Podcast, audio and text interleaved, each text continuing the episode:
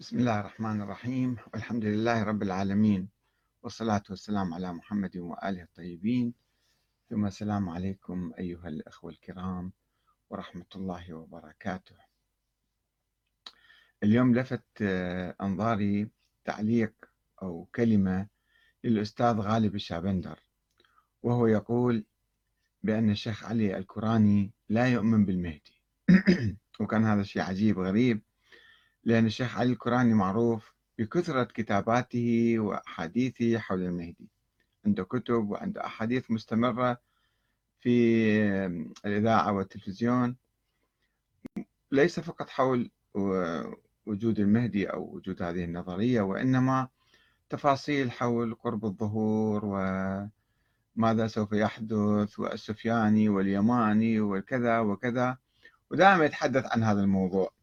فكان شيء مفاجئ وعجيب غريب يعني.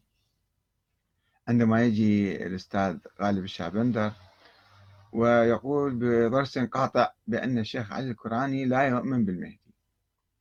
طبعا أنا قبل حوالي 15 عاما إذا تتذكرون أجريت حوارا معه على قناة المستقلة. أه وقبل ذلك أنا عندما كتبت كتابي تطور الفكر السياسي الشيعي من الشورى إلى ولاية الفقيه والجزء الثاني اللي كان فيه حول الإمام محمد بن الحسن العسكري حقيقة تاريخية أم فرضية فلسفية. أرسلت إلى حوالي 400 عالم شيعي. آه، رسالة بخلاصة الفكرة أو خلاصة ما وصلت إليه. وطلبت منهم أن يطلعوا على الكتاب ويردوا عليه قبل أن أنشره.